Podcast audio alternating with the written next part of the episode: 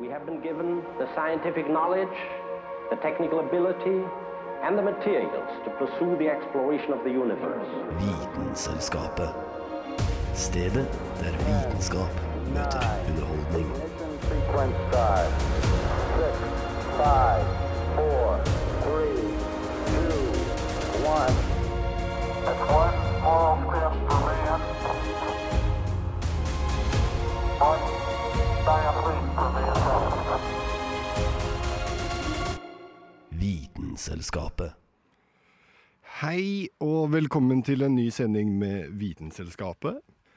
Det er Jonathan som snakker på mikrofonen, og i studio i dag har jeg med meg Ingelin Normann. Hei, Og Anna Vik Rødseth. hei godt, godt å se dere.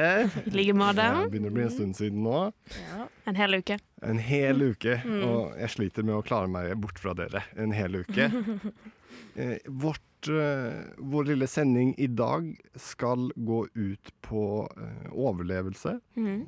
Vi skal titte på noen mekanismer ved overlevelse. Vi skal se om du kan overleve på visse ingredienser. Og så kanskje noen rare, kanskje noen ikke. Vi får se. Men vi er glad at du er med oss i reisen. Du hører på Vitenselskapet. Tirsdager klokken ti til halv elleve på Radio Nova.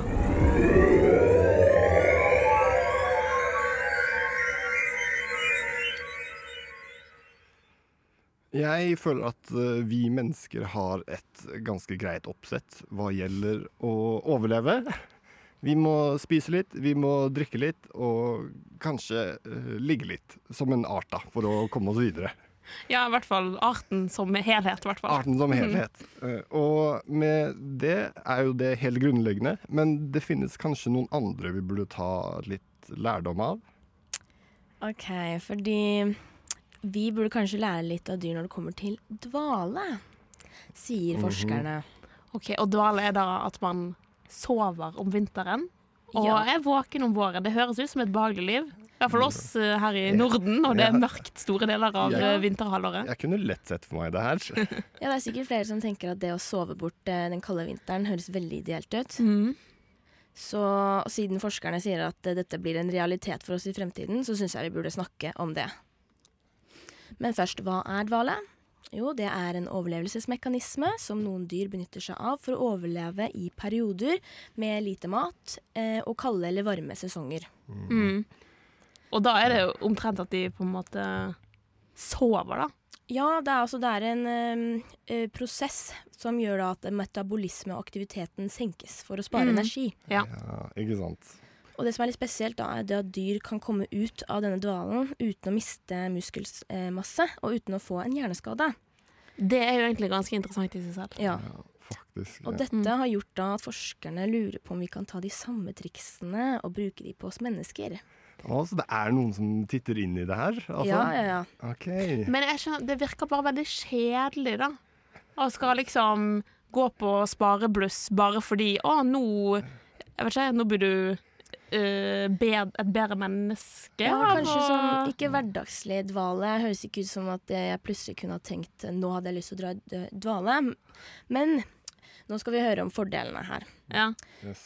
Eh, For forskningen på dvale på mennesker, det er jo relativt nytt. Det er veldig mye, Um, mye teorier, og man vet ikke så mye. Så er det veldig mange tekniske medisinske utfordringer som må løses. Og så er det også viktig å vurdere de potensielle konsekvensene og etiske spørsmålene. Ja. Men de fordelene som de snakker om, er at eh, dersom mennesker kunne ha gått inn og ut av dvale, så kan det redusere behovet for mat og energi. Og dette kan da bidra med å løse globale utfordringer knyttet til ressursforbruk som matproduksjon og transport, og dermed ha en positiv effekt for miljøet. Ja, men da er det jo som, samme som å si at mennesker ikke skulle eksistert, da. Eller det er bare ikke okay. kjøpt noe, ikke Men- spist noe, eller noe som helst. Hvis du hører den i neste grunn, så tror jeg du kommer til å endre mening. OK, greit. Fordi videre så kan det jo være nyttig i medisinsk sammenheng. Ved å senke kroppens stoffskifte og aktivitet, så kan duale muligens brukes til å beskytte organer og vev under veldig komplekse medisinske prosedyrer. Som f.eks. da organis eh, organisasjon Organtransplantasjon og langvarige operasjoner. Og dette da kan forbedre resultatene og overlevelsesraten for slike inngrep. Men er ikke det samme som å være i koma?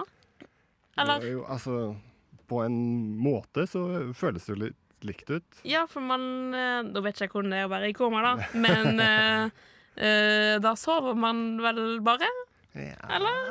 Altså, Og blir eh, medisinert? ja, jeg føler at noen liksom kan huske ting fra de har Ja. vært i koma. Ja. Det kan hende man kan huske ting hvis man har vært i dvale også. Ja, det, altså, jeg, Mm. jeg føler bjørnene kan liksom våkne opp litt og bare sånn halla. Ja, de kan faktisk det. Ja. Så det er ikke vanskelig å gå i kunstig dvale, men utfordringen er jo hvordan vi kan gjøre det automatisk og spontant. Eh, så basically så sier de at eh, dette også kan være veldig positivt for eh, romfart hvis vi skal ut i verdensrommet.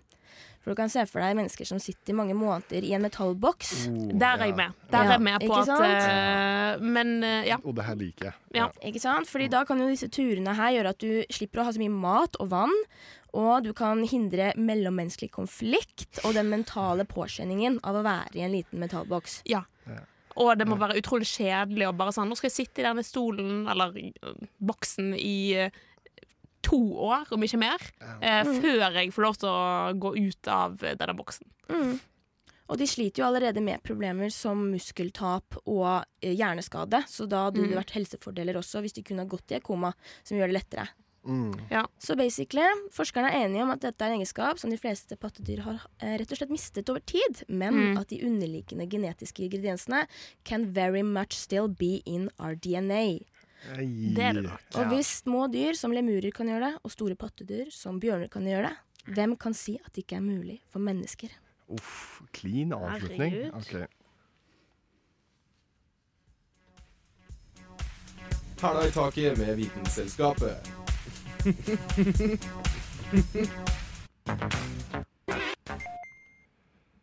er noen arter som kan overleve den kalde vinteren på en ganske så spesiell måte. Hør her.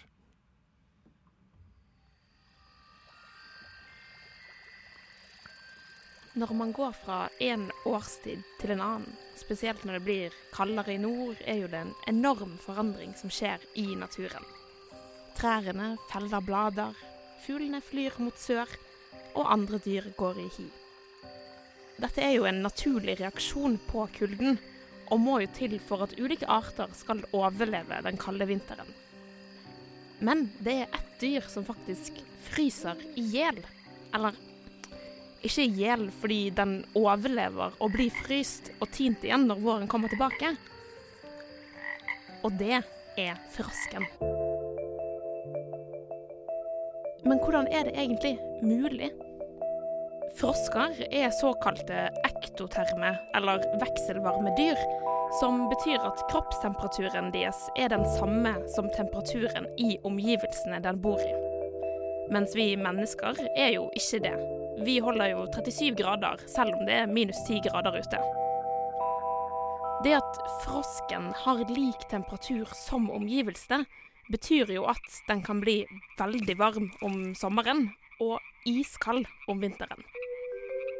En type skogfrosk fra Nord-Amerika klarer faktisk å overleve og bli fryst og tint igjen. Og hemmeligheten bak dette er at den bl.a. ikke tisser en dråpe om vinteren.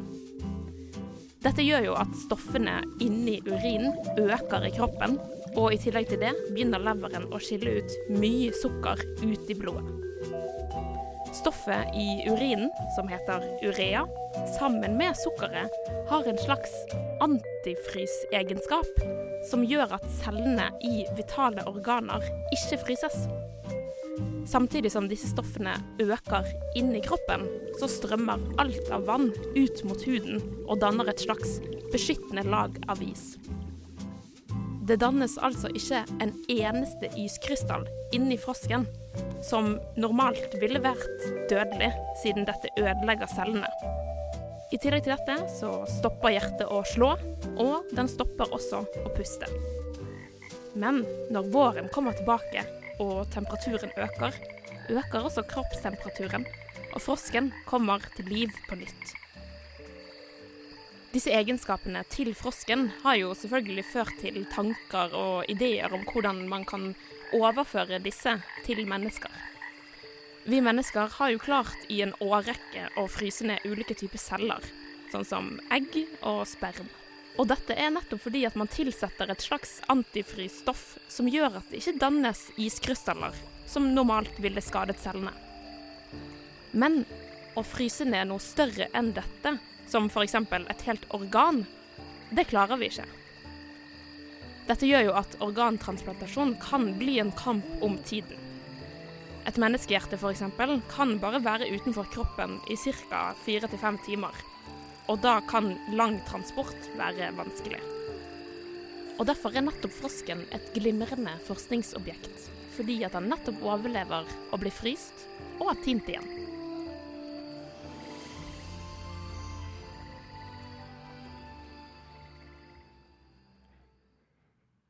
Denne saken ble laget av Anna Vik Rødseth.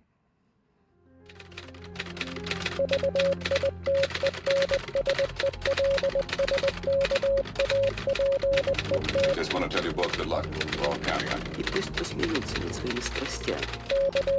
Ведь то, что они называют страстью, на самом деле не душевное, Vitenselskapet а лишь трение между душой и внешним миром. knekker vitenskapens koder. Good job.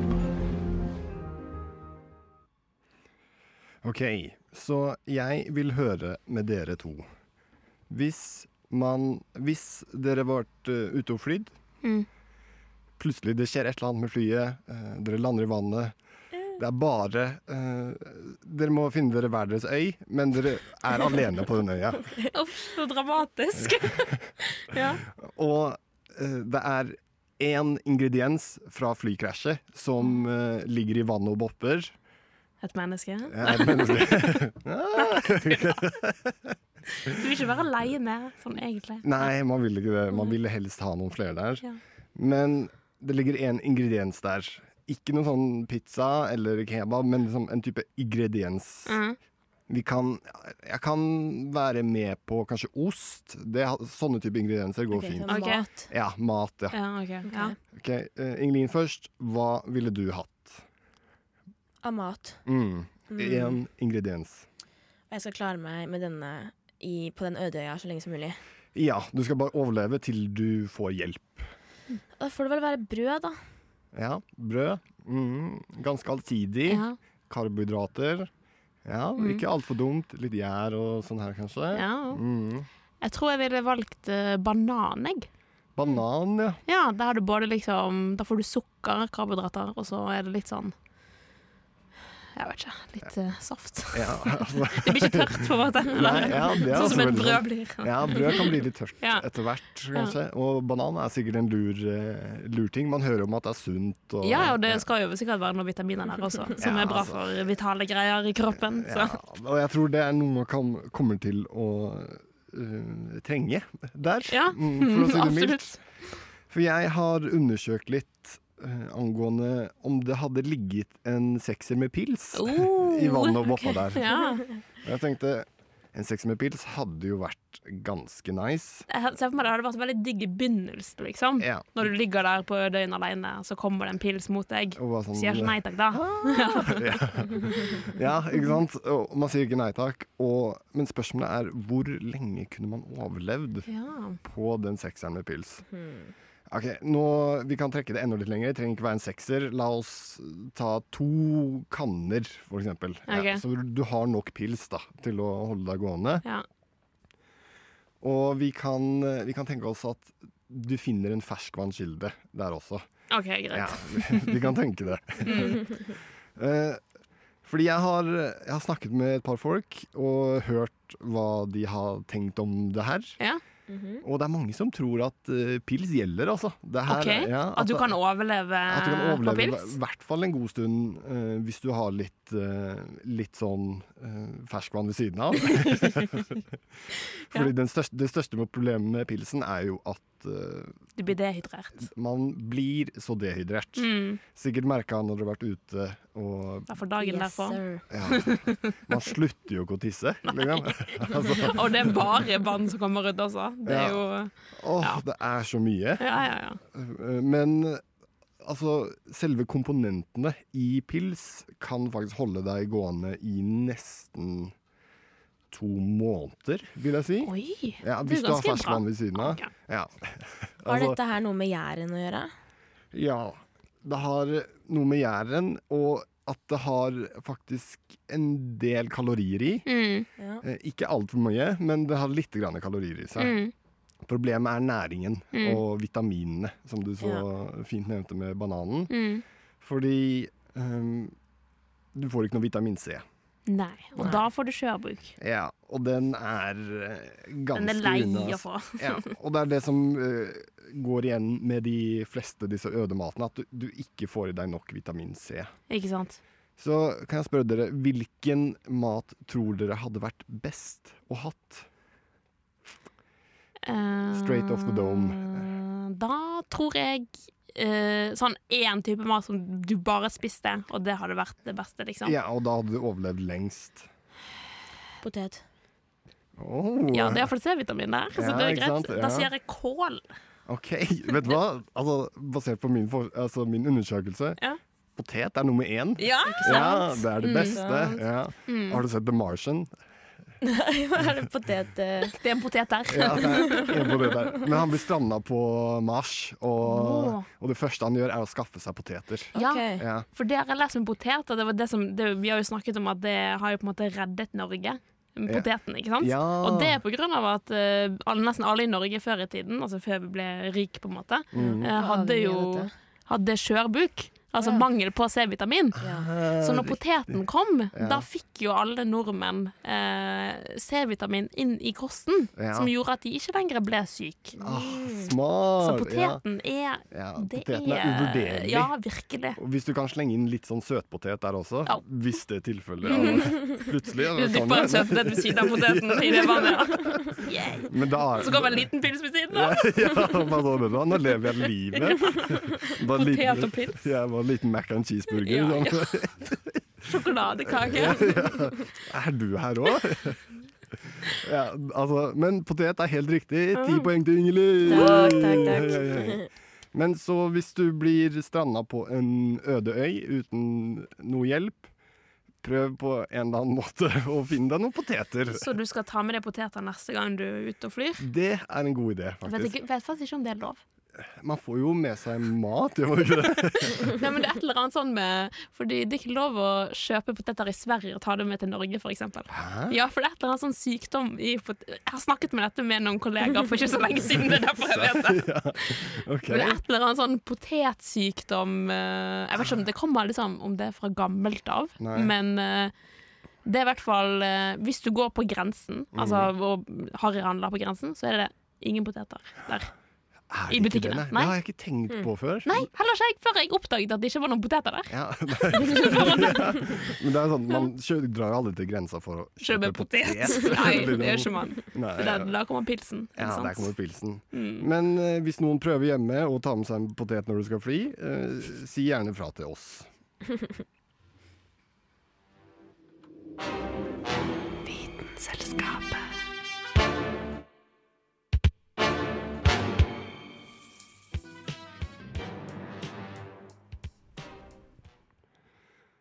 De fleste er ikke så glad i kakerlakker, og tenker nok at de er ganske sleipe.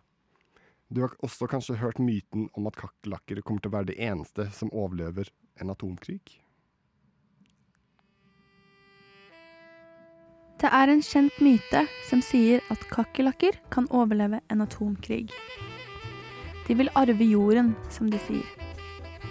Har du kanskje sett filmen Wall-E, der en robot skal rydde søppel fra en forlatt jordklode? Roboten Wallys eneste overlevende kamerat er en overraskende søt liten kakerlakk. Som er et nikk til den populære myten om at kakerlakk kommer til å overleve lenger enn oss alle. I kjølvannet av Hiroshima-bomben i 1945 dukket det opp tidlige rapporter om at kakerlakker var det eneste som overlevde, da de ble sett gående rundt i ruinene.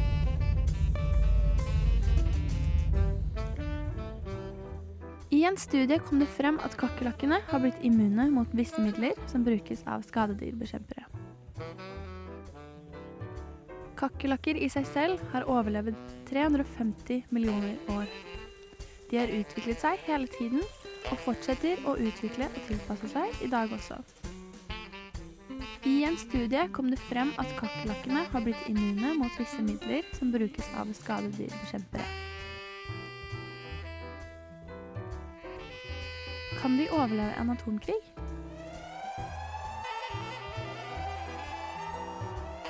Som det viser seg, kan kakerlakker motstå en stor mengde stråling, og har derfor mange overlevde etter atombombene i Hiroshima og Nagasaki. Men de er ikke umulig å drepe. I tester utført av Mythbusters testet de hvorfor kakerlakkene reagerte på ulike strålingsnivåer. Mennesker gir etter for en ganske lav mengde stråling.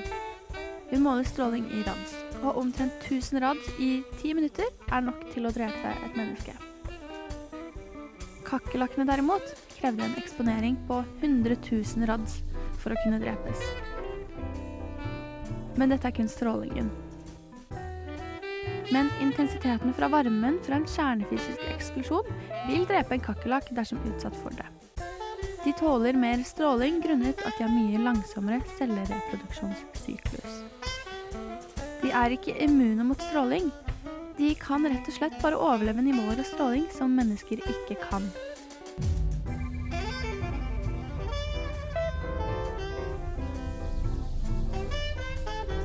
Kakerlakkene reproduserer veldig raskt og i store mengder. En enkelt kakerlakk lever kun mellom 100 dager og et år. Med et gjennomsnitt på ca. seks måneder kan en kvinnelig kakerlakk i løpet av livet produsere poser med egg ca. seks til åtte ganger. Disse posene kan tolerere ca. 30-40 egg. Det blir til sammen mellom 180 til 320 avkom av kun én kvinne. Hvis minst ti av hennes fødte kakerlakker er kvinner, vil du i løpet av få måneder ha tusenvis av kakerlakker. De er kanskje eh, tilpasningsdyktige og tåler en del stråling, men en enkelt kakerlakk lever ikke så lenge. Heldigvis. Denne saken er laget av Sara Langedrag. Vitenselskapet. Vitenselskapet på Radio Nova.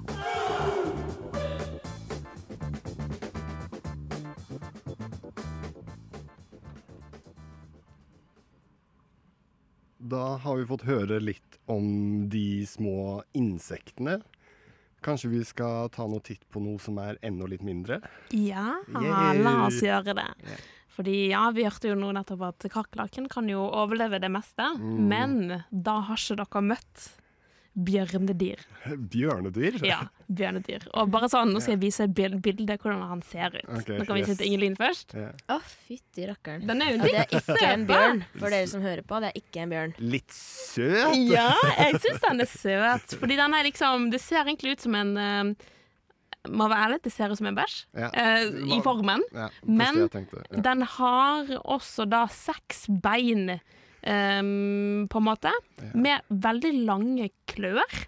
Mm. Og i, midt i ansiktet, som jeg tror, Ja. er da bare et stort hull, som jeg antar er munnen. da. Ja, jeg tipper det kanskje. Ja. Eller rumpehullet. Altså, det er Eller, eller sam, det samme hullet. Det er jo Ja. mange dyr som bare har ett hull, Ja, så det kan sant. jo hende at dette gjelder for uh, bjørnedyr også. Mm. Men eh, det som er Og den heter jo Den blir jo da kalt for uh, bjørnedyr på grunn av utseendet sitt, da, at det ser ut som et lite bjørn. Ja. Det er det delte meninger om. Ingelin syns ikke det ser ut som en bjørn. Um, men det som er Man skulle kanskje tro ut ifra navnet at bjørnedyret var en stor skapning. Mm, mm. Men nei da, det er faktisk en meget, meget liten organisme. Den er bare fra altså 0,2 til 0,8 millimeter lang. OK, vi snakker liten, Ja, ja, altså. ja. Det er sånn Jeg tror ikke du har Du hadde ikke klart å sett den med det blotte øyet, mest Nei, sannsynlig. Eh, ja, den er så eh, liten, altså mindre enn en millimeter, og har da eh, en fasong som en bjørn.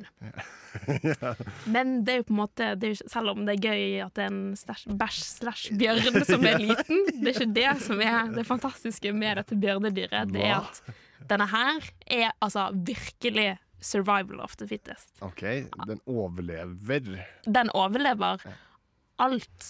Altså, den har overlevd koking, frysing.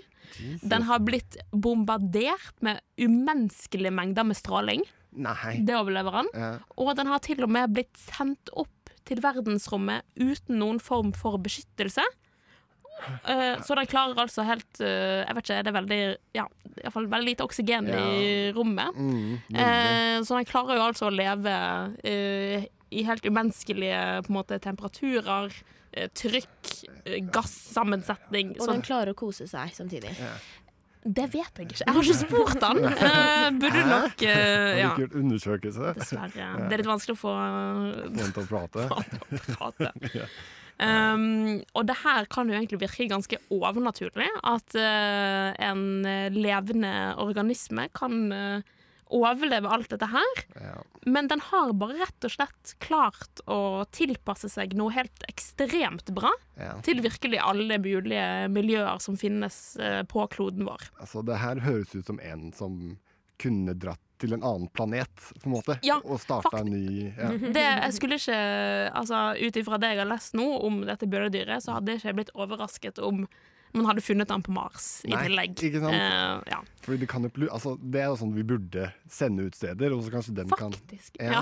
Jeg vet ikke om det gir oss noe svar på om vi klarer å leve på Mars, hvis bjørnedyret klarer det. Fordi den klarer jo, ja, som sagt, å bli kokt og fryst sikkert samtidig også. Ja. Um, ja. Men vi hørte jo i sted fra Ingelin om eh, dyr som går i dvale, og Mm. da er jo på en måte eh, Man er jo i live hvis man er i dvale. Ting inni kroppen går bare litt saktere. Ja, det det. Um, eh, ja.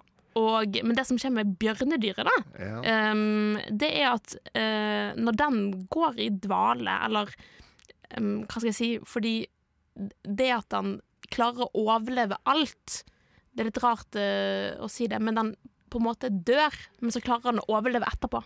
Okay, så den, Den våkner til ja. live, liksom. Ja, sånn resurrector. Altså, ja. ja. Så den går på en måte inn, inn til en helt ekstrem dvale, da, kan man si. Mm. Så ekstrem at du er død. Ja, Ja. fordi det som er med dette bjørnedyret, det er at uh, all, virkelig alle metabolske prosesser inni uh, kroppen stopper fullstendig opp.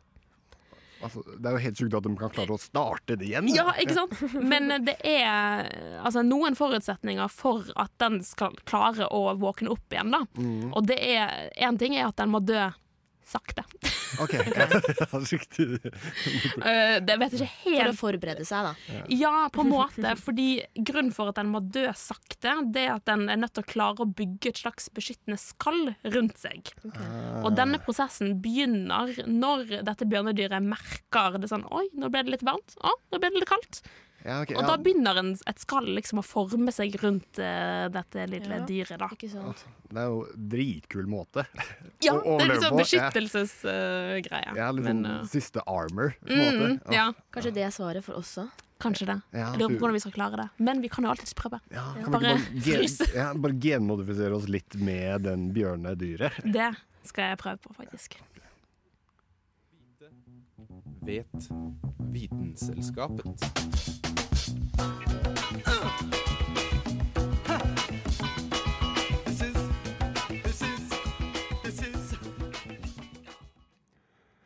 Det var alt vi hadde fra oss i dag.